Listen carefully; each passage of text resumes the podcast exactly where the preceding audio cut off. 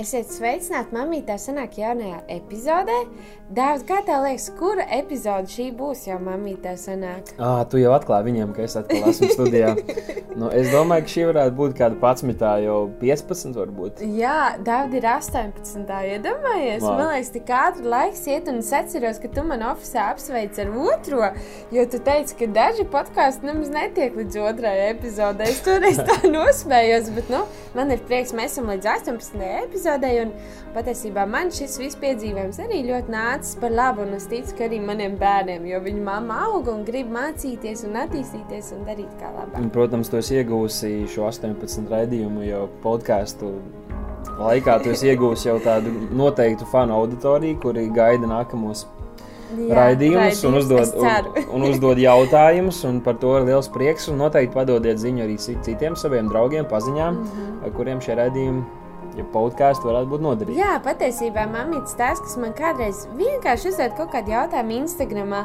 Tāds viens jautājums, viņš var izraisīt veselu tēmu, kas man patiesībā ļoti palīdz, jo man ir savi aktuāli jautājumi, bet ir prieks dzirdēt arī, kas ir aktuāls jums, jo e, nu, ir forši darīt to, kas mums visiem ir aktuāls. Un tāpēc eh, šodien ierakstiet komentāros sveicienus eh, šim podkāstam, jo tas jau ir pilngadīgs podkāsts. Pilngadīgs Jā, podkāsts. citas svinu gadus mēs eh, svinam sērijas.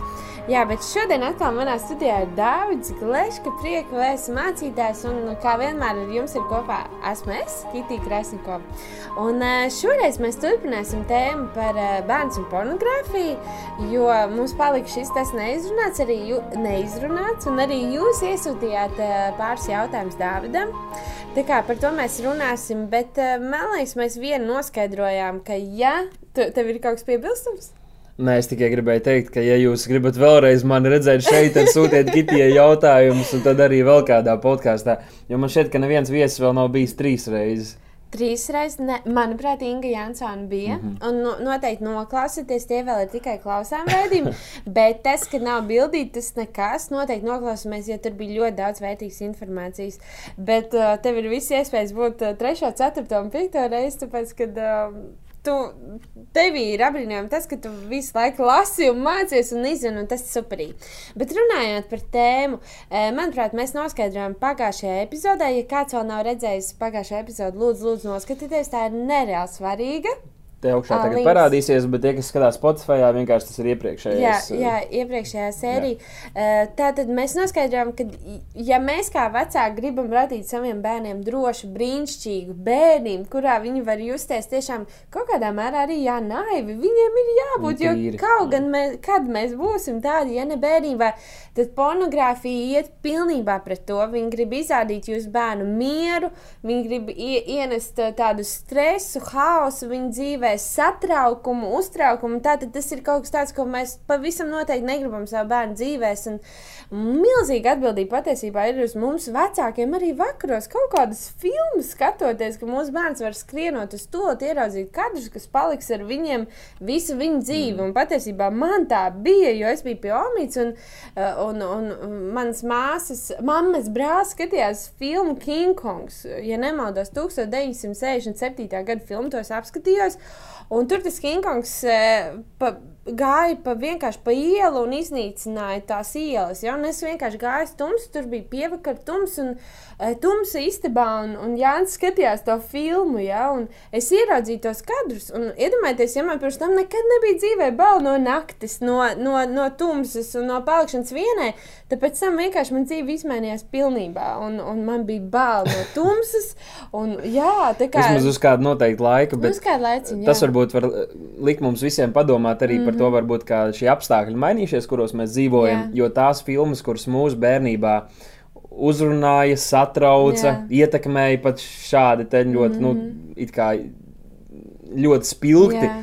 Iespējams, ka mūsu bērniem būtu garlaicīgi, viņi nevarētu nostīties līdz beigām, jo vienkārši viss ir tik lēni, tik samāksloti. Mm. -hmm. Tas, pie kā me, mūsu dvēseles jau mūsdienās ir kā Tas arī ir Jā, tas noteikti arī ir vērts parunāt, cik ātri mēs pieredzinām savus Jā. bērnus pie cik krāsainām multfilmām. ļoti Bet grafiski. viss notiek. Jā, par jā. to varbūt eh, tad nākamajās reizēs kādās, bet Dāvid, gribu jautāt tev, un tas arī bija jautājums pirmais, viens no jautājumiem, ko iesūtīja Instagramā, ir, tu, tu kā pieskāries, ka tu esi cīnījies ar šo pornogrāfijas atkarību, bet tāpat laikā mēs nepieskārāmies, kā, kā tu tam izgāji cauri un kā tu ieteiktu kādam citam cīnīties par to. Jo, lai gan mēs arī runājam par bērniem, es ticu, ka šo raidījumu arī klausās un skatās pusauģi un, un bērni un jaunieši. Mm. Jā, nu man tas ceļš bija ne, nenotiek vieglākajiem, un es pieņemu, ka ir kādi, kuriem ir vieglāk tikt, tikt ar tādām lietām galā. Uh, kā jau minēju, man tas uh, sākās pusauģa gados, kad bija interese par visu kaut kādām lietām, un tad uh, nu, tā atkarība aizvien dziļāk tev ievilka. Tad jau no bildēm tu pārgāji jau uz video formātu, kad tas jau kļuva pieejams. Uh, un viss vis ar to saistītās lietas notikās. Un, uh, tad es piedzīvoju Dievu, mm -hmm. tu sastopies ar, ar, ar viņa mīlestību, saproti, ka kaut kas jāmaina dzīvē, un pirms tam jau jūties vainīgs par to un centies kaut ko. Un kādiem varbūt tas ir tāds, tā kā tu izlem, un pēkšņi mm -hmm. tas tiek pāraudzis, lai gan nevienmēr tas ir tik viegli. Mēs jau pagājušajā runājām par to, ka šī atkarība ir diezgan spēcīga, spēcīgāka pat par, par narkotikām daudzām. Un tad sākās šis process, cīņa. Man liekas, ka tā dažos vārdos, varbūt savelkot, kas var palīdzēt šo cīņu veikt, ir pirmkārt, ka tev ir jāsaprot, kas ir tavs ienaidnieks. Mm -hmm. Jo kamēr tu domā, ka tas vienkārši ir skaists filmiņš un ka tā ir tikai izklaide, ka tas ir kaut kas, kas patiesībā tev nāk par labu, uh, tu, tu nebūsi motivēts cīnīties yeah. un iziet cauri kaut kādām grūtībām. Tā kā tev jāsaprot viss tā tumšā pasaule, kas ir aiz pornogrāfijas, mm. gan garīgi, gan arī laicīgi, kas ir industrijas, kas vienkārši cenšas sabojājot tavu dzīvi, nopelnīt sev. Tur ir cilvēki, kas tiek paverdzināti, cilvēku dzīves, kas tiek sabojāts. Jā. Un tā tālāk, sievietes, kas cieš. Un, tas ir tas. Otrakārt, arī teiksim, garīgi tas, man, man tas nāca nu, tajā, ka man bija arī attiecībās ar Dievu, es nonācu vietā, kad es sapratu un sajūtu to frāzi, ko mēs kādreiz lietojam arī sludinot, un tas ir, ka mums nevajadzētu būt tā, ka grēks ir vienkārši lieta, ko Dievs mums neatļauj, mm -hmm. bet kad mums savienojoties, sirdī savienojoties ar Dievu, ka grēks kļūst par kaut ko, ko mēs ienīstam. Tātad es negribu neko kopīgu ar to, es negribu neko kopīgu ar visu šo te. Uh, nu, tumsu pasauli un visu šo netiklību, kas uh, neizbēgami tāda ir. Jēzus mm -hmm. pateica, un, ja jūs skatieties uz sievieti, iekārodam, uh, tad jūs esat laulību pārkāpuši. Un mm. laulības pārkāpšana Dieva priekšā bija tāds grēks, ka tev bija jānomēta akmeņiem. Jā. Un tātad katru reizi, kad mēs uzskatām sievu un īpaši pornogrāfiju saturu ma materiālus patērējot vīriešu vai sievietes, nu, tu nevari to darīt bez tā, ka tev mm -hmm. ir iekšēji šīs fantāzijas un, un, un iekāra. Uh, es, es nonācu vietā, kad es sapratu, ka okay, tas ir kaut kas briesmīgs, dievacīs, tas ir kaut kas ļauns priekš manis pašs. Man bija jānoved sev tajā vietā, un tad, es, tad tas bija vienkārši cīņa. Un jāsaka, tā cīņa ir svarīga, ka mēs svinam uzvaras. Uh, pat ja tu uzreiz neesi pilnīgi brīvs, bet to izdodas nedēļa, divas, trīs. Tu, tu, yeah. un tad atkal kaut kādā vājā brīdī, atkal viņa tevi savažo. Un svarīgi ir, lai tajā brīdī tu nesaki, nē, tas viss nebija tā vērts. Es tomēr, laikam, tāda būs mana dzīve un tāda ir mana realitāte. Mm -hmm. Bet tu piecelies un saki, ok, es tagad varu vēl vairāk, es esmu stiprāks.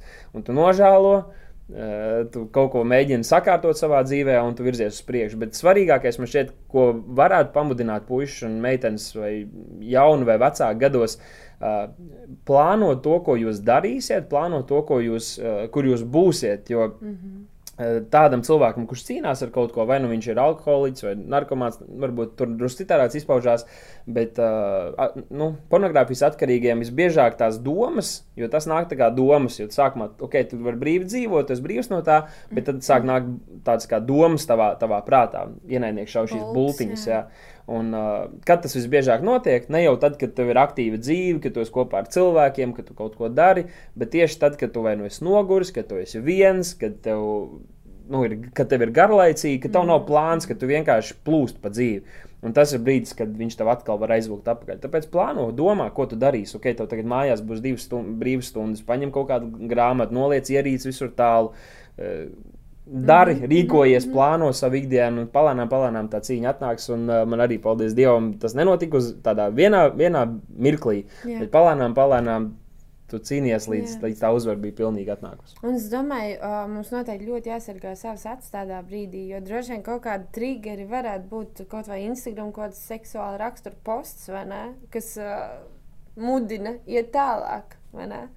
Jā, pavisam noteikti. Tur līdzīgi kā mhm. alkoholiķiem, kur ir, kur ir bijuši alkoholiķi un it kā tikuši brīvi, viņi pēc tam saka, viņi arī nevar spēlēties ar to, viņi neiet, neiet garām uh, bāriem, kur viņi var sasmaržot to, viņi negrib sagaršot to, Mhm, to lietu, un tas varbūt ir līdzīgi arī ar jebkuru vīrieti un sievieti mūsdienās, kas dzīvo, bet īpaši tiem, kas varbūt ir bijuši atkarīgi no šīm lietām, kad ir, ir jāuzman, īpaši jāsargā savas acis. Uh, arī savus ausis, ko tu Jā, dzirdi, jo, jā. protams, kaut kādi celiņi, kas smadzenēs vēl nav aizbiruši līdz galam, var atkal nu, atvērties vieglāk. Mhm. Mm -hmm. Bet nu, ar laiku, protams, arī vecums palīdz, ka tu jau nobriedi kā personība. Jaunākiem cilvēkiem nedaudz grūtāk ir, ka tu jau ok, saproti, kas tev ir labs, ko tu vēlies, līdzīgi kā ar pārtiku.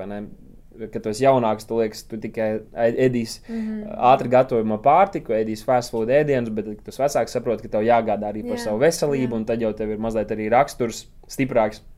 Mm -hmm. Paņemt mm -hmm. dārzeņus un salātus un kaut ko tādu, un neiet vienkārši uz ātrām mēsturiem. Jā, man ļoti patīk, ka tu minēji, ka mums ir jāsvin mazās uzvaras. un Es tā kā arī man ir dēls, viņam, viņam izdodas sadusmoties vai uz suni vai uz māsu, un viņš saka, es nekad, nekad tā nedarīšu.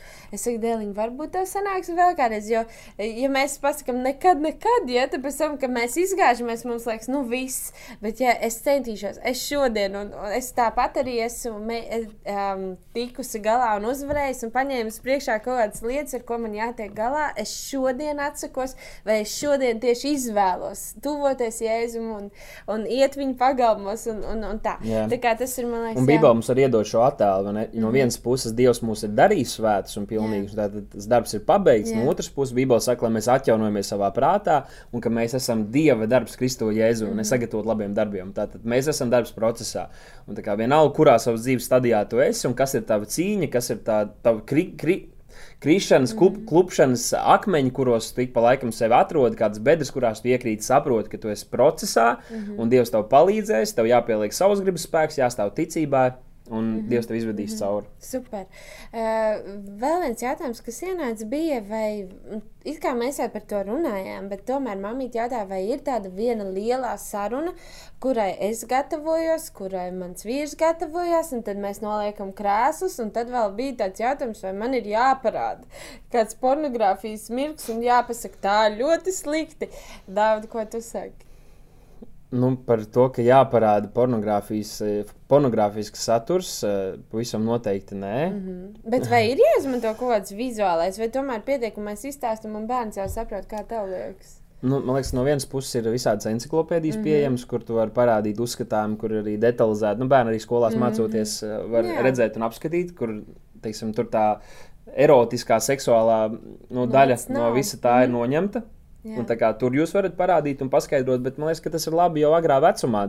Es jau mm. kaut kur arī minēju, ka teiksim, manai meitiņai vēl nav trīs gadi, bet viņi ir apkārt ar citiem maziem puikiem. Kādreiz eh, ne, tas apģērbs nav Brālēni. tik daudz, īpaši karstā vasarā, vai varbūt kāds mazs brālēniņš, mas, masīciņa. Un tad, eh, ja tur ir tā interese, un viņi kaut ko pamana, tad tas ir labs brīdis jau, Jā. kad vienkārši pateikt, jā, puišiem ir tā, meitenēm ir tā. Mm.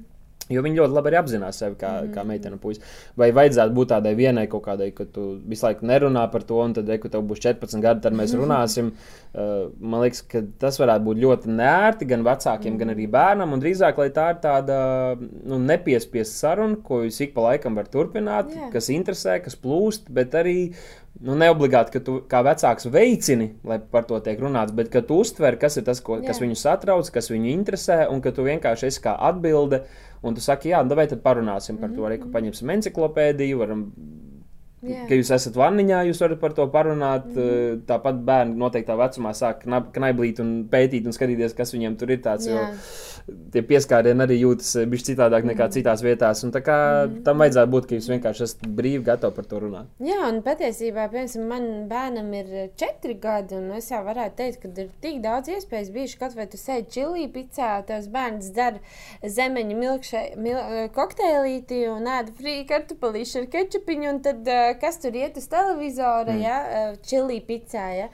Tur iet kārtīgs MTV saturs, ko es pat, nu, varētu teikt, ka kārtīgi, nu, atgādina pornogrāfisku saturu.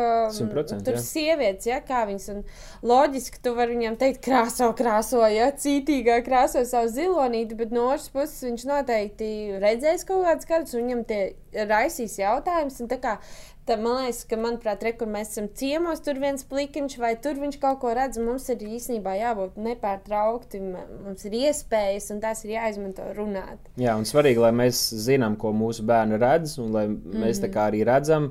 Uh, tas pats arī, piemēram, par uh, dažādiem sociālajiem tīkliem, kur jūsu bērni ir, un vecāki pat nenojauš, kā tie sociāli tīkli darbojas, kas tur ir atrodams, un bērni vienkārši tur plūst un, un darbojas. Nu, ja, ja ir filma, ko tavs bērns, īpaši mazāks bērns, ja nerunājam par nu, jau lielu, nu, vecāk, vecākiem bērniem, kas jau ir tuvu pilngadībai, bet, ja ir mazāks bērns, filmas, kuras viņš grib skatīties, eh, draugi, ar kuriem viņš grib būt kopā, kaut kur viena paša bez jums, eh, tev ir jāzina, jābūt lietas Jā. kursā par to, kas tur būs.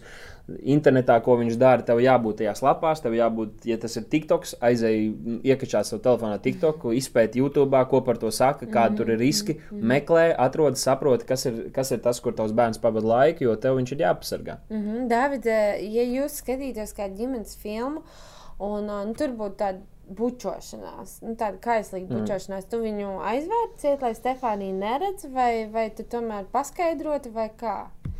Nu, pagaidām mēs esam skatījušies drīzāk tādas kā multfilmas. Yeah. Uh, filmas meita vēl nevar izturēt mm -hmm. pi, pi, pilnā izmērā. Nevajag Man liekas, ka varbūt no vienas puses arī laba tēma, ko tu pacēli. Mm -hmm. Kāpēc ir tā, ka tad, kad runā ar bērniem, vai pat īpaši ar pusauģiem par to, ka vecāki mīl viens otru, vai ka vecāki nu, iedod buču viens otram, vai ka viņiem varētu būt arī seksuāls attiecības, ka tas ir kaut kas tāds briesmīgs, Jā. jo viņi nekad nav redzējuši, iedomājušies, ka viņu vecāki to varētu darīt, jo mm. viņiem liekas, ka to dara tikai jaunieši un jauni cilvēki. Tā kā no vienas puses uh, pat, uh, tas būtu brīnišķīgi un tas būtu vajadzīgi, lai jūsu bērni redz, ka tēvs nobučo mammu, jā, ka viņš var samīlēt, kad izrāda mīlestību, lai jūs parādāt, kā izpaužās mm. pieķeršanās, kā izpaužās mīlestība, ka tas nav kaut kas, ko viņi redz tikai internetā vai filmās, kur to dara jauni cilvēki. Mm -hmm. nu, jūs ar vien esat jauni. Bet, uh, Es droši vien nerādītu, un mēs neskatītos tādas filmas, kur ir jau tādas grandiozas seksuālas uh, lietas, bet tas, ka tur ir kaut kādas bučošanās, es domāju, ka tā nebūtu liela problēma. Jo man mm. meita redzējusi, ka es arī diezgan daudz, arī, eh, varbūt ne ļoti kaislīgi mēs skupstamies bērnu, bērnu priekšā, bet mēs, mēs buč, mm. pabučojamies, un ir laiks, kad meita nevar sēdēt man klēpī, bet to dara mm. sieva, un mēs pamīļojam viņu. Tad meitai, protams, tas ir grūti to pieņemt, jo viņi grib tieši tajā brīdī, uh, ka tas ir kaut kas, pie kā mēs radinām, kad vecāki mīl viens otru, un tas bērniem ir ļoti svarīgi to redzēt jo tad viņi jutīsies droši. Ja tēvs mīl mammu un viņi to redz, tad viss pārējais ir mazsvarīgs. Ja tēvs mīl mammu un mamma mīl tēti, tad bērns jutīsies droši ģimenē. Mm -hmm. nu, kāda vecāka varētu uzskatīt tā, nu, kad jautās, nu, tad es pateikšu. Tad man būs atbilde kabatā. Vai tas ir uh, pareizais pieejams? Uh, no vienas puses, jā, ja jums ir tādas attiecības, ka bērns var brīvi atnākt un uzdot jautājumu, kurš uh, līdz kuram nav kaut kā aizvadīts, tad uh, tas ir super. Un uh, tajā brīdī tev jābūt gatavam runāt, vai vienkārši tajā, ja tajā brīdī jūs nevarat, piemēram, jūs ciemos kaut kur un kādam tur kaut kas notiekās, un yeah. bērnam ir interesi, bērnam ir rodas kaut kāds uh, sarežģīts jautājums, un tu varbūt pat neesi gatavs tajā brīdī atbildēt, tad tev nevajag steigties un nu satraukties un kaut kā emocionāli tagad uz to rīkoties, atbildēt, bet tu vari teikt, ok, mēs parunāsim vakarā, vai sarunāt kādu reizi, ka jūs par to parunāsiet.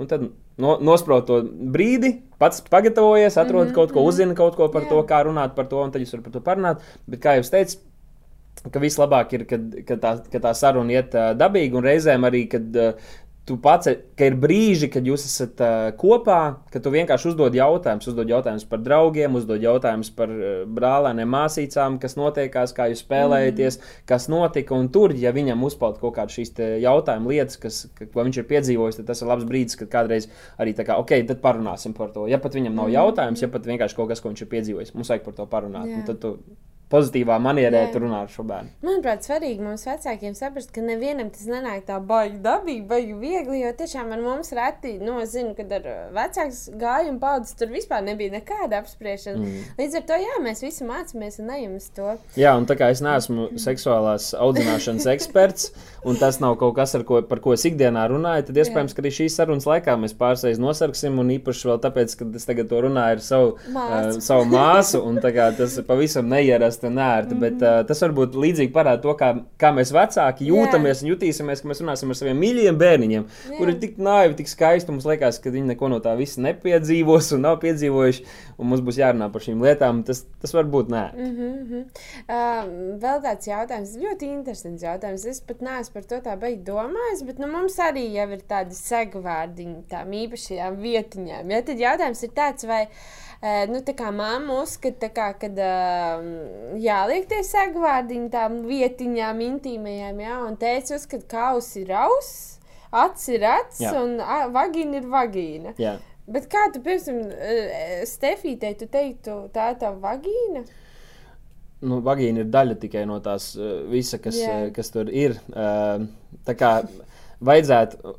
Nu, mans, Mēs personīgais, man, ne, mans personīgais viedoklis ir, ka, uh, ja tiek lietot šie segvārdi, pavisam mazā vecumā tas vēl izklausās mīlīgi, bet Mhm. vēlāk bērns saprot, ka tas ir kaut kas, par ko nerunā un ko nevar Mhm, saukt vārdā. Un ka tas ir kaut kas, kas ir nērts, par, kas ir uh, nedaudz apkaunojošs.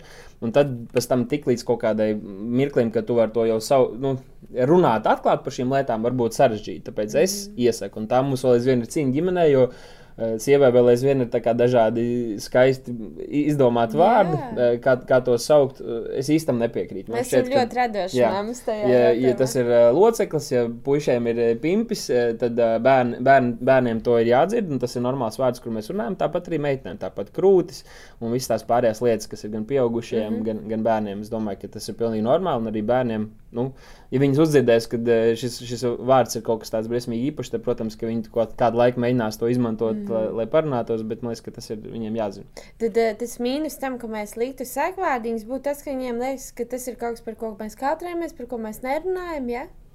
Nu, tas ir tas, kā es to uztveru. Jā. Tas, tas kā, cik es esmu lasījis un ko iepazinies, un mm -hmm. kāda ir mana saprāšana, bet tas droši vien katram vecākam individuāli. Nu, jā, tas ir uh, katram jāsaprot. Jā. Uh, vēl kas man likās, tā mm, arī redzot tādu vienu video, uh, un vispār arī bišķiņu papētot un iedziļinoties šajā tēmā, kad patiesībā tāda veselīga seksuālā izglītošana un audzināšana ir ierocis uh, pret to, lai mūsu bērni uh, ciest no kaut kādas seksuālas vardarbības. Mm. Uh, jo pirmkārt, viņi mācīs pateikt, viņi mācīs saprast, ka mm. tas nav tas, kā man teica, mamma grib, lai man pieskarās, un mm. uh, tas nav pareizi, ko viņš dara. Varbūt tev ir vēl kāds Jā, mums arī draudzē bija kursi tieši par Jā. šo tēmu pirms kāda laika, kur par to tik ļoti mm, labi, precīzi un, un, un bagātīgi stāstīts. Mm -hmm. uh, es pilnībā piekrītu, man šķiet, ka uh, mēs vecāki esam tie, kas palīdzam saviem bērniem nolikt kaut kādas fiziskas robežas un apjaust arī, nu, teiksim, savu seksualitāti,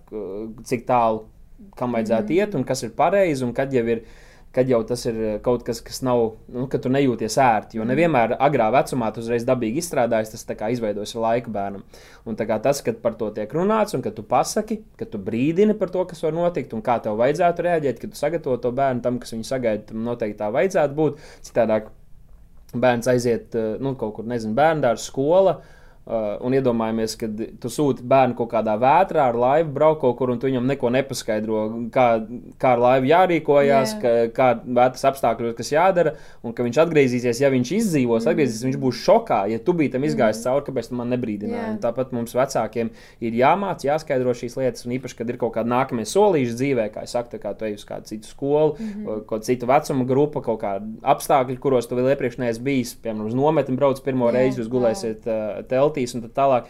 Tur ne tikai ir šis uh, seksuālais uh, risks un, nu, teiksim, kristīgos mm -hmm. apstākļos visdrīzāk, ka tādas ir minimāls, mm -hmm. bet kaut kādas citas lietas, kas tev sagaida. Tā kā ne Jā. tikai seksuālajā ziņā, par visām Jā, citām jā. lietām paskaidro, sagatavo to bērnu, un tad lai viņš pats iet un, un uh, iz, izdzīvo un cenšas lietot to ko, gudrību, ko tu viņam devi. Jā, mēs esam runājuši daudz un dikti, un tā informācija ir daudz, bet tad, ja mums vajadzētu tā, nu, no visa tā attiekt un pateikt, nu, kas tad būtu tās trīs lietas, tu varētu nosaukt trīs lietas, kas mums kā vecākiem ir jāsaprot tieši par šo seksuālu audzināšanu attiecībā pret bērniem. Jā, un te, te es arī esmu papētījis par, par kaut kādām lietām, ko mums vajadzētu ņemt vērā, arī pašam gatavojoties tam, kas nāk priekšā. Un, uh, tad arī šī doktora Megla Mīkera uzsver, ka šīs trīs, trīs lietas ir, par kurām noteikti vajadzētu padomāt. Uh, nu, attiecībā uz to, kā mēs runājam par seksualitāti ar saviem bērniem. Tad pirmais uh, punkts, ko ir vērts ņemt vērā, ir tas, ka mums vajadzētu mācīt saviem bērniem cienīt savu seksualitāti un arī seksu kā tādu. Mm -hmm. ja? Mums jāsaprot kultūra, kurā mūsu bērns dzīvo un mēs dzīvojam. Ir uh, diezgan populāri teiksim, angļu valodā ir tas uh, friends with, uh, benefits. with benefits, Jā. un uh, latviešu tas būtu, ka jūs esat draugi ar kaut kādiem vēl papildus iegūmiem, ko varat iegūt, kad seks un seksualitāte, pieskārieni, ka tas viss ir uh, jau jauniešu vidū, pusauģu vidū, tas ir kaut kas, kas jau ir padarīts par drīzāk tādu kā izklaides uh, lietu, par uh, mehānisku nodarbošanos, ko tu Jā. aktivitāti, ko jūs padarat kopā, bez nekādām saistībām, jūs aizbraucat uz tusiņu, aizbraucat tur vienā dzīvoklī, visi padzer padara to, visi jūtas labi. Uh, un, protams, mēs zinām, ka tas tā nav. Tāpēc ir depresija, tāpēc ir vēl tukšuma sajūta, tāpēc ir uh, pašnāvības, kas notiekās, jo gan puikas, gan meitenes pēc tam jūtas uh, netik labi, kā viņi sagaidīja, ka viņi jutīsies. Uh, Bet mācīt savam bērnam, kas ir seks, ka seks mhm. nav kaut kas brīnišķīgs, ka seks nav nekas briesmīgs, ka seks Jā. ir kaut kas skaists, ko Dievs mums ir devis, nekaunēties tā, bet izstāstīt, ka uh, seks ir uh, tā kā uguns. Man mm. patīk šis salīdzinājums, wow. seks ir tā kā uguns, un no vienas puses tas var sasildīt un dot gaismu. Teiksim, ja jums ir mājās kamīns, pastāstīs, cik brīnišķīgi, mm. ka mēs to mhm. iededzinām. Tas var dot tādu brīnišķīgu, jauku sajūtu, kas ir, ka tas tiek pareizi lietots noteiktās robežās. No otras puses, ja to izlaiž ārā nu, ārā no, no kamīna, ka to lieto nepareizā veidā, tad uh, tas var iznīcināt, nodedzināt pilsētas, nodedzināt mežus.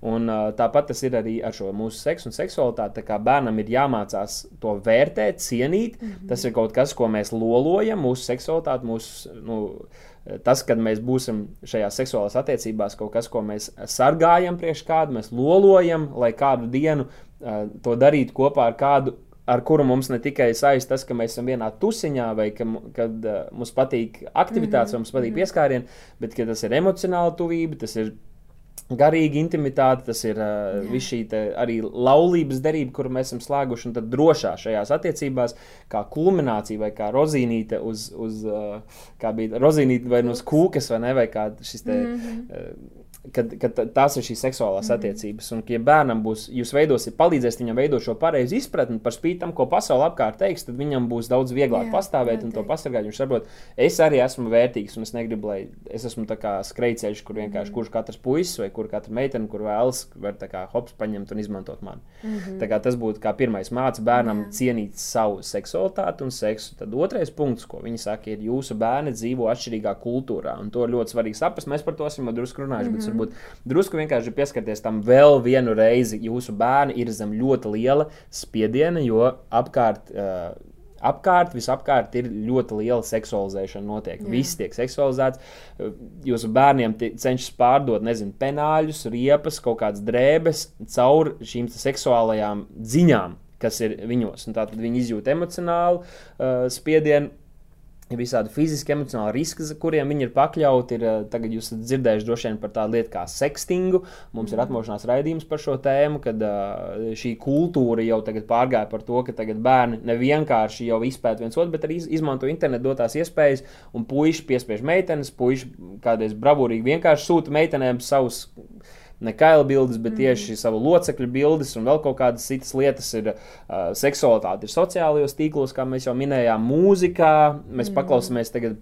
Nu, Tā saucamo populāro jauno mūziku, ko tagad Latvijā arī dara. Raksta puiši, kas cenšas nopelnīt kaut kādu naudu, lai viņiem nebūtu jāiet strādāt. Uh, nu, video klipus, kādus mēs redzam, tur viss ir piepildīts ar Jā. šo seksualitāti, ar vulgaritāti, Tā, tā ir tā kultūra, kurā jūs bērni dzīvo, un iespējams, ka jūs pat to nenojaušat. Iespējams, ka jums liekas, ka tas, ka jūs reizes nedēļā aiziet uz draugu, kad uh, viņi ir pilnīgi svēti un viņi, viņus tas viss neskar.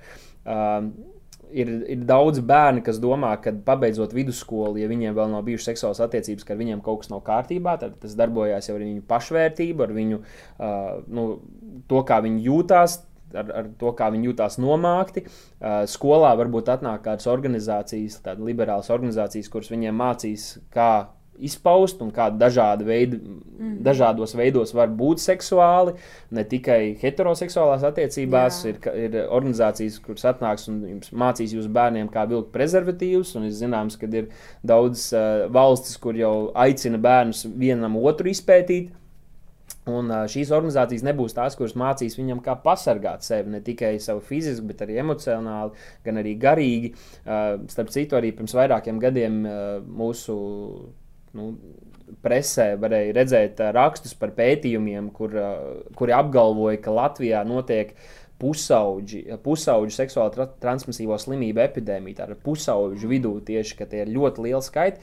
Un tas, ka bērnam iemācīja lietot prezervatīvu un viņš ir seksuālās attiecībās, tas nepasargā no lielāko daļu šo seksuāli transmisīvo slimību. Tātad tāpat tas risks ir ļoti, ļoti augsts. Mm arī tad, ja tiek lietots prezervatīvs. Un ne tikai šādas veselības ziņā tas ir riskanti, bet arī citās lietās. Viena, lieta, viena no populārām lietām, arī, kas notiek mūsu, mūsdienu kultūrā, ir šis orālais seks, kas tiek ļoti arī popularizēts. Tātad, piemēram, meitene, kur grib būt tātad saglabāt jaunavību, un viņi grib arī nu, tādā ziņā paklausīt vecākiem, nebūt seksuālās attiecībās. Ir kādi, kas saka, ka orālais seks nav seks. Un tajā pašā laikā ir nosaukums orālais seks. Tā tad mm -hmm. uh, ir tas arī, kas tiek bieži izmantots, ko puikas dara, ko meitenes dara uh, puišiem, vienkārši lai apmierinātu kaut kādas viņas seksuālas ziņas, lai viņi paliktu kopā. Un ir kādam, kas jābūt kādam, kurš kur runā par šīm lietām, un jūs saprotat, zem kādas spiediena un kādas iespējas un kas notiekās apkārt, jo iespējams, ka jūsu bērnībā nekas tāds nenotika. Tā kā jums ir jābūt tiem, kas jūs palīdzat savam bērnam izdarīt pareizas mm. izvēles, saprast, kas notiek, saprast lietas, atšķirt, kas ir, kas ir pareizi, kas ir nepareizi, un palīdzēt viņam nonākt beig beigās veselīgās, monogāmās, skaistās attiecībās, kurās viņi var būt patiešām laimīgi un izdzīvot savu seksualitāti pavisam citā līmenī. Otrais punkts ir jūsu bērnu dzīvo atšķirīgā kultūrā. Jums būtu jāizprot, Un, un jāapzinās tas, un ne vienkārši jāsaka, tiec galā ar to, jo bērns nezina, bērns nezina kā tikt galā ar savu seksualitāti, kā tikt galā ar jautājumiem, kā tikt galā ar interesi, kā tikt galā ar kārībām. Es vienkārši domāju, tas tiešām ir drausmīgi, ja? jo es atceros, mēs, es nezinu, ko jūs tur starp brīžos darījāt, bet mana klasa mēs lecām gumijas, mēs spēlējām monopolu, mēs, nu, darījām brīnišķīgas lietas, un mūsu mm. vecāki vispār uzauga laikā, kad viņiem bija pēc skolas jā, jāskrien, jā, jālasa zemenes, un nezāles jārauj laukā. Viņiem mm. tiešām ir grūti saprast, vai ne kādā laikā mēs dzīvojam. Tāpēc tas ir tik būtiski iet līdzi laikam un saprast, ka patreiz, šitajos. Um, starpbrīžos ir klusums, skatās pornogrāfiju. Lielāks džeks var parādīt pirmās klases puisītam pornogrāfiju, vienkārši redzēt, kā viņš reaģēs. Mm. Ja? Laiki tiešām ir mainījušies. Man vienkārši šoks par to, ka Nē, nu, tā apjās to. Jā, un tad trešais tā lieta, ko vajadzētu saprast. Katram vecākam, kas mums skatās šobrīd, tev ir jāsaprot, ka tu vari būt tas, kurš palīdz savam bērnam saglabāt šķīstību jā. un tīrību. Tas esi tu. Mm. Neliec cerību uz jauniešu mācītāju draugu Neliec, gan jūs ļoti mēs, cenšaties ne, un darat visi visu, jau cenšas un dara jā. labāko, bet jā. tā ir tava atbildība un jā. tikai tu to vari izdarīt. Mm -hmm. Neliec cerību uz mācītājiem, neliec cerību vienkārši, ka tava lūkšana palīdzēs, lai gan mm -hmm. lūkšana arī dara daudzas lietas. Jā. Neliec cerību uz to, ka skolā atnāks vai kad viņiem būs labi draugi, jo tā ir tava atbildība. Jā. Uh, Ir pētījumi, kas apliecina tieši šo faktu, ka tas, kad ir vecāku klātbūtne un vecākiem ir iesaiste un kontakts, uh, labs kontakts ar savu bērnu, ka tas ir numur viens mm. lieta, kas palīdz bērniem atturēties no šiem, visiem šiem kārdinājumiem un nebūt zem šīs spiediena, zem kura ir lielākā daļa cilvēku viņiem apkārt. Tas, ka tu esi klāt un kad ir brīdis, kad tu viņam saki, un tu to saki atkal un atkal, saki, es esmu līdzās, tu man ļoti mm -hmm. rūp, un ir cilvēki pasaulē, kuriem varbūt tu nepatiksi, un būs kuri gribēs tevi izmantot, kas gribēs tev nodarīt pāri un kas Jā. gribēs tev parādīt lietas, bet es esmu tavā pusē. Es gribu, lai tev izdodas. Es tevi ļoti, ļoti mīlu. Vai tu tā jūties vai nejūties? Es ticu tev, es zinu, ka tu esi pietiekami stiprs, ka tu izdosies. Ka ir kāds, kurš šo te runā viņa dzīvē, ir kāds, kurš viņiem ir klāt, kurš viņus stiprina, kurš grib palīdzēt uh, ar padomu, jeb kādā citā veidā. Uh, tas var ļoti labi nostrādāt. Jo tādas kā trīs lietas, no kurām savā ziņā tieši pusauģu vecumā visvairāk mums ir jāpasargā savu mm -hmm. bērnu, tas ir narkotikas, alkohols un seks. Mm -hmm. Arī, ja pastāstīs mūsdienu jaunos influencerus, tieši visādi veidi šīs zālītes, visādi veidi apdullinošas nu, materiālus, kas, kas tiek reklamēti zem kuriem mūsu bērni pēc tam vairs nespēja adekvāti mm. rīkoties, un mm. viņi var tikt izmantot un, un visādā veidā arī pazemoti, tad mums ir jāpasargā savus bērnus. Man liekas, ka labs piemērs ir tas, kad uh, mēs paskatāmies uz maziem bērniem, un kādreiz vecākiem šķiet, nu, ko gan es varu viņiem sniegt, vai ne? Uh, bet bērni bērniem tik ļoti svarīgi ir, uh, lai viņu vecāki lepojās ar viņiem, mm -hmm. lai vecāki mīl viņus, un viņi grib to just. Mm -hmm. Jo mēs paskatāmies pat vēlāk, tad, man tagad ir 30 gadi, un man tik ļoti daudz nozīmē, kad mans tēvs vai mana mamma kādreiz pasakā, es lepojos ar Jā, tevi, protams. es tevi mīlu, un es, es esmu gatavs darīt vēl kaut kādas lietas, kuras citādāk es negribētu, tāpēc, lai to izpelnītos, mm -hmm. to sajūtu. Ir 50 gadīgi vīri, kuriem ir tēvi. Yeah. Jau krietni gados, un, un viņi grib, nezinu, iet uz darbu, lai nopelnītu daudz naudas, lai viņa tēvs saka, wow, mm. dēliņ, tu šī tik daudz naudas nopelnījis, tā lepojas ar tevi. Tā kā mums visiem tas ir iekšā, un jūsu bērniem tas tāpat ir. Viņiem ir jājūt jūs, Jā. jūsu mīlestība, jājūt jūsu pieķeršanās, tas, ka jūs lepojaties ar viņiem, tas, ka vienalga, kam viņi iet cauri, ka jūs esat ar viņiem, viņa komandā. Un šeit ir varbūt trīs jautājumi, ko ir, ir vērts padomāt, kā, ko bērns grib dzirdēt no saviem vecākiem. Tur varētu viņi izklāstīt daudz, un par to šī doktora Megā Mīka runā, bet viņi saka, kad jūsu bērns grib dzirdēt, ko tu tici par mani, wow. ko tu domā par mani un ko tu ceri par mani. Tur katram mm -hmm. no tiem ir tā tāds vairāk dziļākas lietas, par ko padomāt, bet ko tu mm -hmm. tici par mani. Tā kā eh, mīlestība, nekāda mīlestība. Pirmā korintiešiem saka, mīlestība tic par, eh, par visu, kā, bet tur rakstīja par visu labāko, ka tu tici par visu labāko, ka tu -hmm. tici, ka viņam izdosies, ka tu tici, ka mhm. viņam uh, viss, ka viņš iet cauri, ka, viņ, ka, viņa, ka viņš būs veiksmīgs, ko tu domā par viņu, ka viņš ir skaists, ka viņš ir gudrs, ka Jā. viņš ir stiprs. Jo tas ne tikai Tev ne tikai ir jāredz, kāds viņš ir, bet ar, savām, ar saviem vārdiem, ar savām domām, tu uzbūvē viņu, tu uzcēl tā kā mm. no maziem akmeņiem salīdz mm. kopā. Līdzīgi kā Bībele runā par, savu, par Kristus, kā būvē savu draugu. Mm -hmm. Un ko tu ceri par mani? Ka tev ir kaut kādas gaidas, ka Jā. tev ir kaut kāda sapņa.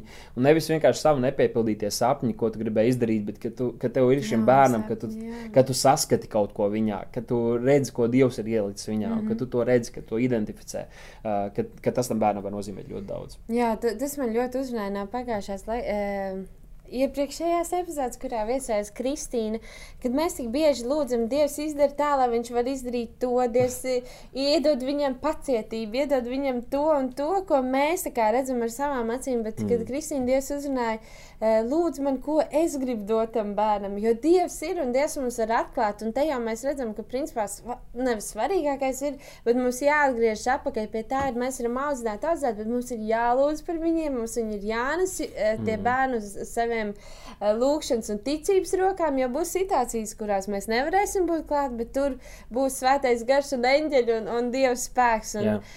Tā kā tas tā, bet um, nu, es kā mamīte varu teikt, es domāju, kāds vecāks sēž un saka, jā, es to visu, visu saprotu, bet kā man praktiski, ko man praktiski tagad darīt? Vai ir jā. kādi ieteikumi vai vadlīnijas? Jā, tāda arī ir. Uh, protams, ka droši vien ka katrā individuālā situācijā tie var nedaudz mainīties un katram ir jāsaprot, uh, to uzklausot, kas ir tas, ko tieši es varu lietot un kā tas var praktiski iztīties manā dzīvē, un ģimenē un ikdienā.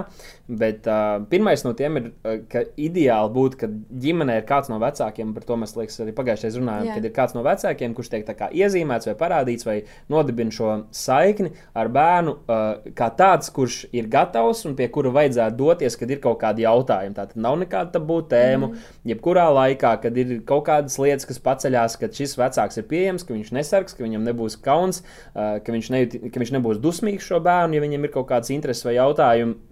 Bet viņš ir gatavs runāt. Un tie, protams, var būt abi vecāki, bet ideāli ir, ja tas ir viens, kuram, kurš varbūt ir mazāk baidās no šīm mm. tēmām, un varbūt drusku komfortablāk jūtās arī par to runāt, un ir gatavs ar drusku vairāk papētīt, lai būtu uh, kā tāds labs resurss uh, šim bērnam. Tad otrkārt, mēs palīdzam bērniem nolikt fiziskas robežas. Tātad uh, jau agrā vecumā mums vajadzētu mācīt viņiem, ka viņa ķermenis ir brīnišķīgs, un ka iemesls, kādēļ ir jānēsā biksītes, kādēļ ir jānēsā arī šie peldkostīmi, mm -hmm. kāpēc ir jāģērb, jāvelk drēbes, tas ir nevis tāpēc, ka jūs esat eh, neglīti, nevis tāpēc, ka jūs esat slikti, nevis ka tās ir sliktas vietiņas, uh, bet tādēļ, ka tas ir kaut kas īpašs, tādēļ, ka tas ir kaut kas brīnišķīgs, tādēļ, ka viņi ir brīnišķīgi un ar tās vietiņas ir kaut kas tāds brīnišķīgs, ko visi cilvēki nedrīkst redzēt, ko vajadzētu, mm -hmm. uh, nu, ko tikai daži cilvēki yeah. drīkst redzēt, un tas ir ļoti, ļoti kaut kas īpašs. Un bērn, bērns var uzaugt jau ar šādu sajūtu. Uh, tad uh, trešais ir ka mums ir jāuzdod jautājumi bērniem, un jāsaka, ka tas var sākties diezgan agrā vecumā. Jau, protams, jo vecāks ir bērns, jo vairāk viņš ir spējīgs iesaistīties šajā sarunā, bet jau agrā vecumā uzdod jautājumus un klausies. Un, ja tu dzirdi kaut ko satraucošu, tad nekrīti panikā, bet padomā, tad, kā jau es teicu, ka vēlāk kaut kāds brīdis, kad jūs par to runāsiet, sagatavojiet šai sarunai, un tad uh, esi mierīgs, pozitīvs un runājat, mēģini. Uh, nu, rast kaut kādas atbildes. Un kādreiz arī, ja tu pasaki, paklausies, es, es Es nezinu par, par šo, ļauj es uzzināšu, izpētīšu, un tad mēs varam rītdien par to parunāt. Jā, jā. Um, tad vēl viens, vēl viens no tādiem ieteikumiem ir, ka uh, māci savam bērnam, ka jūs esat komanda, ka jūs esat komanda. Jūs neesat čomi, mm -hmm. bet tu esi viņa komandā, un ka tu jau tam visam esi izgājis cauri, un tu gribi, tu gribi, lai šis bērns ir spējīgs izdarīt pareizas izvēles, un lai viņš kultūrā, kurā, protams, kura cenšas panākt, ka viņš jūtas un ka viņš var iegūt vērtību tikai no tā, ka viņš ir seksīgs, vai ka viņš ir seksuāls, ka viņš ir aktīvs, seks, uh, aktīvs, aktīvi mm -hmm. savu seksualitāti izdzīvo. Un tā kā tev ir jā, jādod viņam šī sajūta, ka tu neesi kāds, kas viņam kaut ko grib Mhm. atņemt. Līdzīgi kā Ēdens dārzā, vai ne? Ienaidnieks lika Ādamu un Ievai sajusties tā, ka, ka Dievs viņam kaut ko Jā. grib laupīt. Jā. Tev ir jā, es gribu, lai tu visu to piedzīvotu. Tev būtu brīnišķīgs seks, es gribu, un lai tev tas būtu, ļauj man to pastāstīt, kā tu vari mm nonākt līdz tam mm uh, un pasargāt sevi. Uh, un es, es gribu būt tavā komandā, bet es neesmu vienkārši čoms. Es esmu kāds, kurš ir izgājis tam cauri, tāpēc es varu būt resurs tavā dzīvē. Un tad uh, piektais punkts ir, ka tev ir jābūt noteiktam un drosmīgam. Tad, kad tu runā šīs lietas, uh, uh, bet tāpat arī tad, kad jau bērns paaugās un jau runa par attiecībām, par randiņiem, uh, par kaut kādiem noteikumiem, tev ir jābūt drosmīgam un noteiktam, jo tu esi boss, tu esi tētis, tu esi mamma, viņi dzīvo zem tava nama, un tādēļ tas, kā tu teiksi, tā būs. Un tas, kā, uh, ko tu zini par šīm lietām, tev ir jābūt gatavam arī teikt un brīdināt šo bērnu, jo Jā. bērni bieži ir naivi, un viņi uzskata, uzskat, ka tie viņu vienaudži visi ir brīnišķīgi un jauki, lai gan iespējams, ka viņiem ir arī dažādi no, nu, plāni un nodomi. Mm uh, un tev ir jāpastāst viņam ne tikai, ka nevajag būt seksuāli aktīvam, un, uh, bet tev jāpastāsta, kā to izdarīt. Tev jāpastāsta, kāpēc nevajag un kā. Tātad šim bērnam vajag īpaši mūsdienu jaunieši. Agrāk varbūt vienkārši pateica, ka tas ir kaut kas slikts, un visi vienkārši ticēja. Jā, bet jā. mūsdienās jauniešiem un pusauģiem viņi grib zināt, kāpēc viņiem vajag zināt visus tos argumentus. Tāpēc sagatavojas un izdara to pastāstu. Uh, un pasakot tam bērnam, ka tas nebūs viegli šajā kultūrā, ka tas tiešām nebūs viegli, ka tas būs grūti, ka viņš kādreiz jutīsies mm. viens, ka viņš kādreiz jutīsies, ka viņam ir smagi, bet uh, ka tu tici viņam un ka viņam izdosies. Un, ja, piemēram, puisis vēlas vest uh, tavu meitiņu kādā randiņā, tad nevajadzētu būt tā, ka viņi sat var satikties kaut kur skolā, kaut kur pašas kaut ko izdarīties un aiziet, un viņš pat tevi nav saticis, bet uh, lai viņš ienāk tavā mājā, lai viņš satiek tevi un lai viņš zina, ka viņš būs atbildīgs kādu vīru priekšā par to, kas notiks ar šo meiteni. Uh, un tas jau ir cits temats par, uh, par šo. Jā. Par, jā, man vispār liekas, fenomenāls lietas. Tā kā, tā kā, ko feminismu kultūra, protams, kad uh, pašā sāko, sākumā, protams, tas, kas sievietēm vajag Jā. uh, līdzvērtīgām būt, vai ne? Ka tas ir brīnišķīgi, bet cik tas tālu tagad ir aizgājis, mm. ka, piemēram, mazām meitenēm man patīk tas, tā doma, ka, uh, ka meitenei nekad nevajadzētu būt zem spiediena, ka kāds puisis var ar viņu manipulēt un ka viņai ir jāsaka kādam puisim nē. Un kad uh, tam dēļ agrāk tas notika caur vecākiem, mm Mhm. -hmm. un, jo es kā vīrietis pazīstu puikas, un meitene var naivi iemīlēties. Viņai būtu, puisis viņai var piemēgt ar Mhm. Jā, acu, viņai var būt sajūta, ka viņa tagad mīlēs, un kad būs tā kā uh, Julieta, Ro Romeo un, un uh, Julieta bija. Jā. nu, jā, kad, kad būs šī tā sajūta, bet es zinu, kāds ir tas puisis, un es zinu, un es pazīstu, kā puisis tā kā tam, tam būtu, bet tas, tas ir tiešām Tā cits stāsts. jā, un es, protams, vēl pats to neesmu izdzīvojis, tāpēc Jā. uh, arī grūti par to runāt, bet uh, ļoti interesanti, tā kā, cik Mhm. tomēr svarīga tēva loma arī šajās te lietās ir, lai meita justos droši un pasargāta.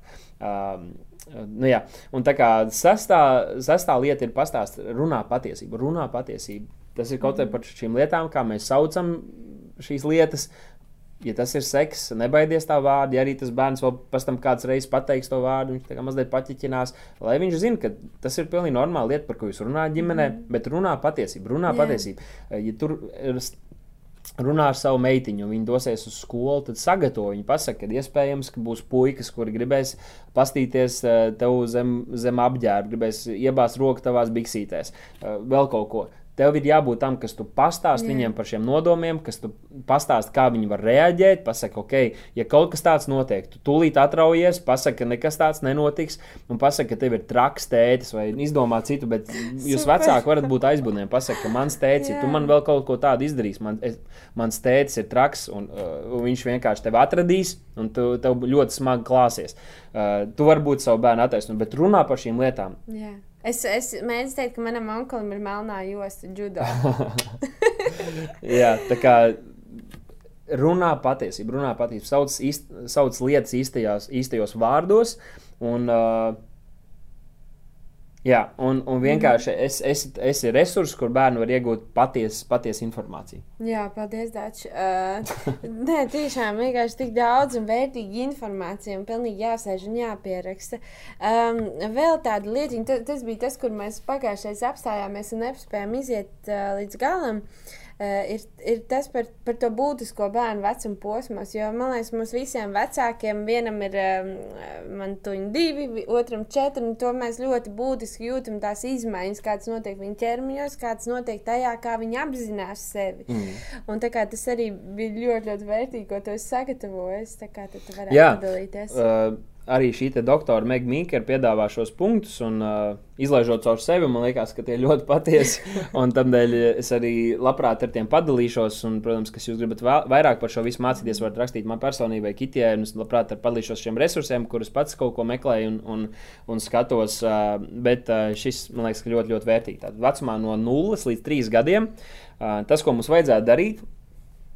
Ir uh, stāstīt bērniem, ka viņa ķermenis ir skaists, ka tas ir īpašs, Tad, kad mēs mainām pamperus, to vajadzētu darīt vietā, vai nu, kad vienkārši bērns ir arī uh, kails. Mm -hmm. uh, to dar darīt vietā, kur nav apkārt citi sveši cilvēki. Uh, īpaši sveši ar ģimeni tas varbūt drusku citādāk ir, bet uh, publiskās vietās nevajadzētu būt tā, ka garām iet cilvēkam, kamēr bērns ir uh, pliks un viņa šīs mm -hmm. vietiņas ir uh, redzams. Yeah. Uh, nekad neizturies tā, ka tev ir kauns par viņa ķermeni un atturies no visādiem komentāriem par ķermeņa tīvumu, apaļīgumu, kā jau es teicu. Tas ir tāds lieta, man liekas, ko mūsdienu cilvēkiem, kur ir nedaudz šis sarkasms un ironija, kas tiek bieži lietot, varbūt ir grūti atturēties, bet iedrošināt tiešām īpaši tēvus, mm, kuriem patīk yeah. mazliet tā, nu, tā kā pakacināt, mm, paķert uh, vai savas meitas, jaunākas vai vecākas, viņas ir, no nu, tā vajadzētu atturēties, jo tas veido šo ieskatu, ka iespaidu bērnam, ka viss ir par viņu ķermeni, un tad viņš paliek ļoti ķermeņa apzinīgs, un tad Tas var novest uh, dažādās vietās. Tad vecumā no 3 gadu līdz 5 gadiem, kad tavs bērns jau sāk iet uz skolu vai bērnu dārstu, tad uh, pastāst viņam, ka tad, kad viņš iet uz toleti, viņam vajadzētu aizvērt durvis, un to vajadzētu jau sākt arī mājās darīt. Uh, ja viņam vajadzīga ir palīdzība, lai viņš to neprasa savam draugam, draudzenei, bet gan skolotājai, mm -hmm. vai arī kāds no vecākiem to dara. Atgādini, ka tikai mamma un tētis vai ārsts var, var redzēt viņas vai viņa privātās vietiņas un pastāst viņam. Uh, par šo, ko es jau teicu, kad kādēļ ir jānāsā peldkastīms, jo tas ir tam dēļ, ka tās lietas ir kaut kas īpašs un skaists, uh, vai peldbikses, un tas ir kaut kas, ko nevajadzētu visiem redzēt, un tas ir veids, kā mēs jau nostiprinām un veidojam šīs kā, privātās robežas vai ķermeņa mm. robežas, ka mēs saprotam, ok, šīs ir lietas, Un tad jau bērns kādā vecumā viņš jau sāk jau pats apzināties, Jā. un viņš pats negrib pliks būt, tad, kad apkārt ir daudz uh, svešu cilvēku. Uh, tad vecums no 5 līdz 10 gadiem, tātad uh, pamatskolas sākumā, daudz bērni jau kļūst ieinteresēti par dažādām ķermeņa daļiņām, un viņiem patīk redzēt un aiztikt ne tikai savas, bet arī citas, citu meiteņu, puikas lietiņas. Puiši viens otram bieži var kaut ko papētīt un pastīties. Un tas no vienas puses ir pilnīgi normāli, un tas neko nenorāda par bērnu seksualitāti. Piemēram, ja puikas mm -hmm. tur mhm. viens otram papēta, kā bija Emīļa nedarbos, vai kur bija, ka viņi kā tur mērījās, jā. un tam līdzīgi. Tas nenozīmē uzreiz, mm -hmm. ka tev ir jādomā, ka tavs bērns ir citādāk jā, orientēts. Jā, jā. Uh, bet uh, viņam vienkārši ir šī interese, un, viņam, un viņš sāk saprast to, ir, ka viņi ir īpaši, mm. ka tie bērni ir atšķirīgi, un ka pieskārieni arī šajās vietiņās uh, var justies patīkami. Tas tas, kas notiek. Un, ko mums vajadzētu darīt tādā gadījumā, pozitīvā balss tonī, uh, tu vienkārši pastāsti, ka citas meitenes vai citi puikas var gribēt paskatīties zem viņas biksēm vai zem krakla un kaut ko paiztikt. Um, Pasaka, ka tas ir ļoti svarīgi, lai tad, kad tas notiek, lai tas tavs bērns pasakā, ka viņš to nedarīs, ka to nevar, ka viņš to negrib. Un, um, Un eh, tev nevajadzētu izrādīt dusmas, un ne, nevajadzētu apkaunot bērnu, ja kaut kas tam līdzīgs jau ir noticis, jo tas ir pilnīgi normāli. Un vienkārši, lai uh, viņš zinātu nākotnē, kā vajadzētu pareizi rīkoties. Un paskaidro, ka bērniem patīk darīt tādas lietas, un pasaki, ka, ja kāds uh, viņam vai viņai prasa to parādīt, lai viņš to arī pasaka pēc tam tev vai skolotājai. Un tas būtu mm. ļoti būtiski, jo varbūt ir kādi, kur uzaug. Kur ir daudz citādāk audzināti, varbūt arī brīvāk audzināti, kuriem šīs lietas netiek pastāstītas. Un Jā. kuri var sadarīt kaut kādas uh, blēņas un negatīvi ietekmēt arī jūsu bērnu. Mm -hmm. uh, tad ap astoņu gadu vecumu, kas ir aptuveni otrā klase, daudz bērnu iemācās arī par seksuālām attiecībām, tātad par seksu. Un bērni, kuriem ir vecāki brāļi vai māsas, To var iemācīties daudz ātrāk, vai varbūt radinieki vai draugi, ar kuriem bieži pavadīja laiku kopā. Tas var arī ļoti ātri notikt. Īpaši, tad, kad viņi sāk spēlēt ģimenes, mm -hmm. tur vīri, Dakteris. dakterus, jā, tur, tur viss tiek pētīts. Mm -hmm. Tā kā tev vajag sagatavoties un pastāstīt savai meitai vai savam dēlam, ka viņi dzirdēs skolā par bučošanos, par pieskārieniem, un iespējams, cerams, ka viņi jau ir dzirdējuši to no jums Jā. par pieskārieniem. Uh, par, uh, viņi dzirdēs dažādas lietas par mamām un tētiem, kuras var viņi var justies nērti par tām dzirdēt, un nedaudz apkaunoti. Un pasaka, ka tas ir ļoti svarīgi, lai tad, kad viņi dzird kaut ko, kas tiek runāts, vai arī darīts, vai rādīts tur, lai viņi arī skolotāji vai pasniedzēji var kaut ko rādīt, ko jūs varbūt nepiekrītat tam, ka jūs negribētu, lai jūsu bērniem tā tas tiek pasniegts. Tad ir svarīgi, lai tad, kad bērns atnāk mājās, lai viņš par to pastāsta jums, lai Jā. viņi pastāsta jums un prasa jums, jo jūs esat viņu draugi, un jūs esat pieredzējušāki, jūs esat vecāki, jūs esat zinošāki par viņu draugiem un pasniedzējiem, un tā kā jūs esat garīgi, galīgā autoritāte šajos jautājumos. Mm -hmm. Un, tā kā lai vēršas pie jums, un pat, patiesībā no, tas otrs ieteikums ir arī tādos gadījumos, kad jau viņi ir skolās.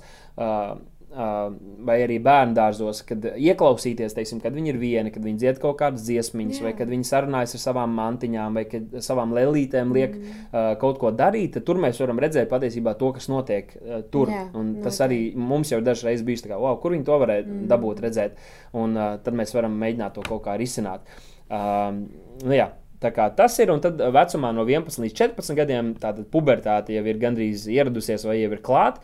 Ir svarīgi, lai ne tavu meitu, ne tavu dēlu nepārsteidz šīs lietas un pārmaiņas viņa organismā. un Tas izpaužās, protams, meitenēm tas nedaudz radikālāk ir. Mm. Uh, un puišiem arī ir savas zināmas pārmaiņas, gan par tām pašām pumpām, kas notiek, bet tāpat arī uh, ar viņu seksualitāti un seksuālo interesi, uh, kas pa, pa, paceļās līdzīgi arī lauvu pasaulē. Mēs zinām, ka līdz kaut kādam vecumam mazie lauvēni var augt uh, ģimenē, bet tad jau tie mazie lauvēni izaug, ka viņi jūtās nedaudz jau vīrišķīgāk, mm. viņiem ir šīs seksuālās ziņas, tad tas tēvs padzen prom šos lauvus. Un tas nav tas, ko mums vajadzētu izdarīt, bet, Jā. bet vecākiem būtu jāmāca saviem bērniem, kā būt gataviem šīm lietām. Un tad atce- atceries, atkal, es esmu skaidrs, centies nebūt apkaunots, nekaunēties runāt par šīm lietām, bet sagatavot, pastāstīt, ja tas ir puika. Tēvs var pastāstīt, kas notiksies, kā var tu kādreiz justies, kā rīkoties kādās brīžos, kad, eh, kad to nesagatavots pieķers tāpat meitām Jā. ar ā, šīm menstruācijām un kaut kādām ķermeņa izmaiņām. Ja Sāk augt kaut kas, kur iepriekš šīs nekas nav bijis, runājot par krūtīm, tad tu varētu sagatavot savu bērnu. Tad viens tāds labs piemērs ir arī, teiksim, kad, ja meitenei tuvojas tas vecums, kad tā situācija var notikties, tad, tad ā, pirmkārt, to vajadzētu izrunāt, un otrkārt, arī var vienmēr būt viņai somā kaut kāda maza somiņa iekšā, kur ir kāda pakete, kur ir kādas apakšbīzes, ko nomainīt, lai tu vienkārši jūties uh, gatavs kaut kādam brīdim, lai tev nebūtu tāds neapkaujošs. Apkaunojošs pārsteigums jāpiedzīvo. Bāc, tu būsi tik labs tētis. Nu, nu, šis ir sagatavojis brīnišķīgi. Bet tiešām tā informācija ir tik vērtīga. Mhm. Jā, uh, tad uh, klausies sarunās, kādas viņai ir ar draugiem. Uh, neko nesaka, censties neiejaukties. Es uzmanīgs par to, ko viņi arī sarakstās telefonos vai sarakstās internetā. Tev būtu jābūt lietas kursā, kas notiek. Jā. Tev ir jābūt.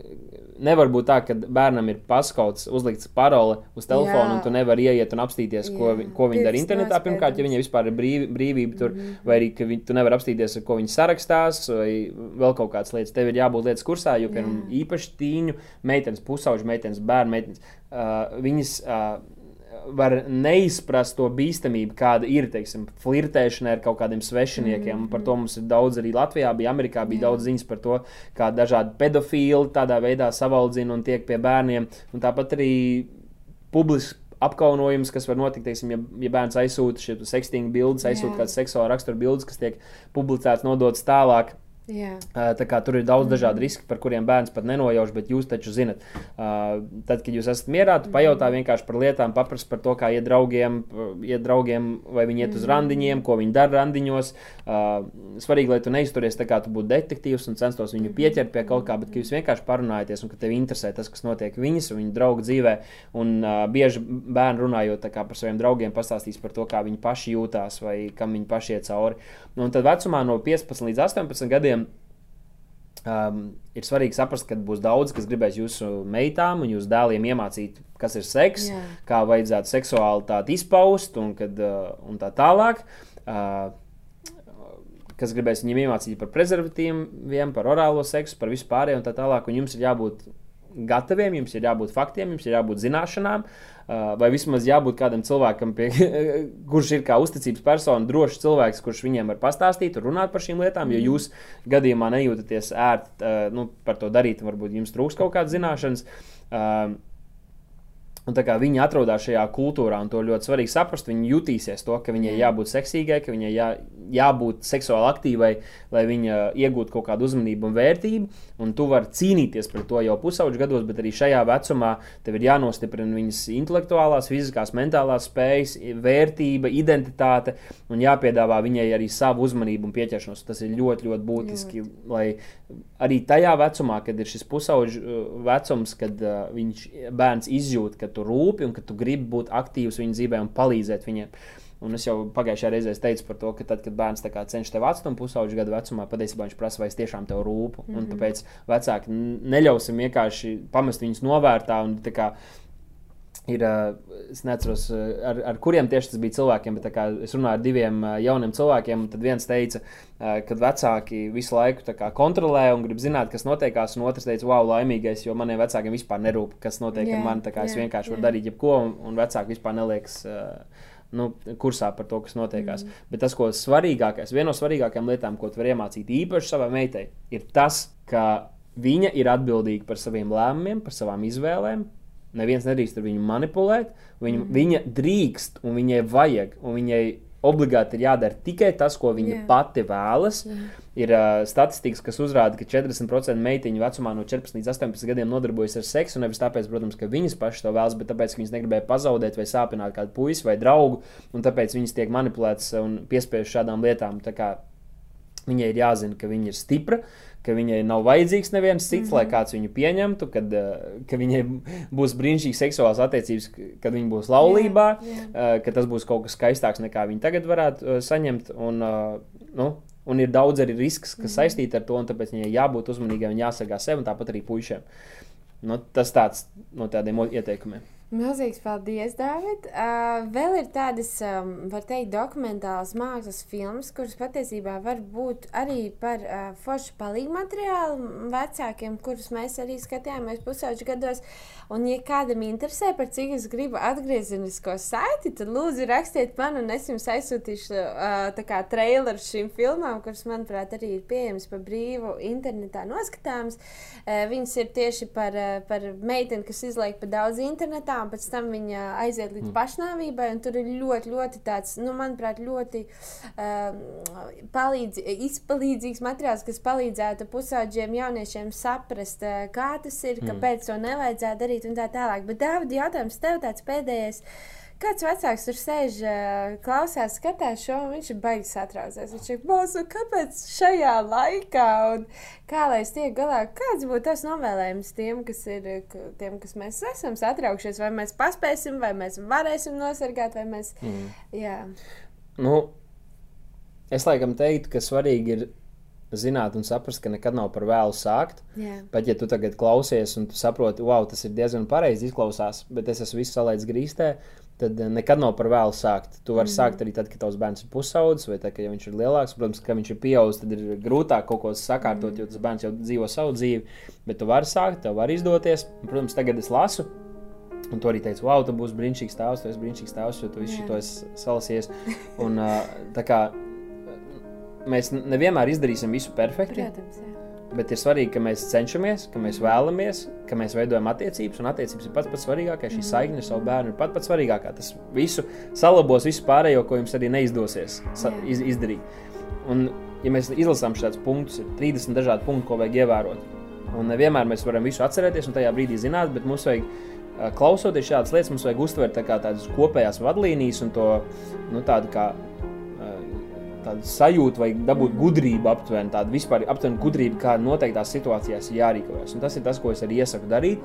Lūdzu, nesatraucieties, esiet mierīgi, un jūs zināt, ka jums izdosies. Tāpēc mamī, tētī, tev sanāk, un ja attiecībā tieši uz pusauģu vecumu, kad ir runa teiksim, par seksuālām attiecībām, par randiņiem un kā vajadzētu pareizi rīkoties, tad mums ir arī atmošanās raidījuma vesela sērija cikls, kurš saucās no skatiena līdz laulībai. Mums ir pieci raidījumi, kur mēs runājam par to, ko darīt, kā zināt, ka simpātijas ir patiesas, ko darīt randiņos, kā, kā saprast, vai tas ir īstais un kāpēc laulība ir būtiska.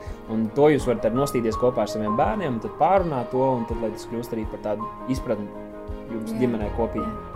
Bet pāri visam mums ir jāzina, mums vecākiem, ka Dievs zināja, ka mēs būsim šajā laikā, un Dievs mums iedeva konkrētos bērnus, konkrētiem vecākam, un mums ir viss, lai mēs to varētu izdarīt, lai mēs viņus izaudzinātu par stiprām un nobriedušām personām. Bet, protams, ka tas prasa darbību. Jā, un no vienas puses, protams, ka šie ir iespējams viena no sarežģītākajiem apstākļiem, Jā. kuros audzināt bērnus. Un tajā pašā laikā mums ir visvairāk resursi pieejami, lai mēs to varētu izdarīt. Un tāpēc vienkārši izmantosim tos. Jā, un tad jau tiekamies nākamajā mamītas sanāks sērijā. Atā!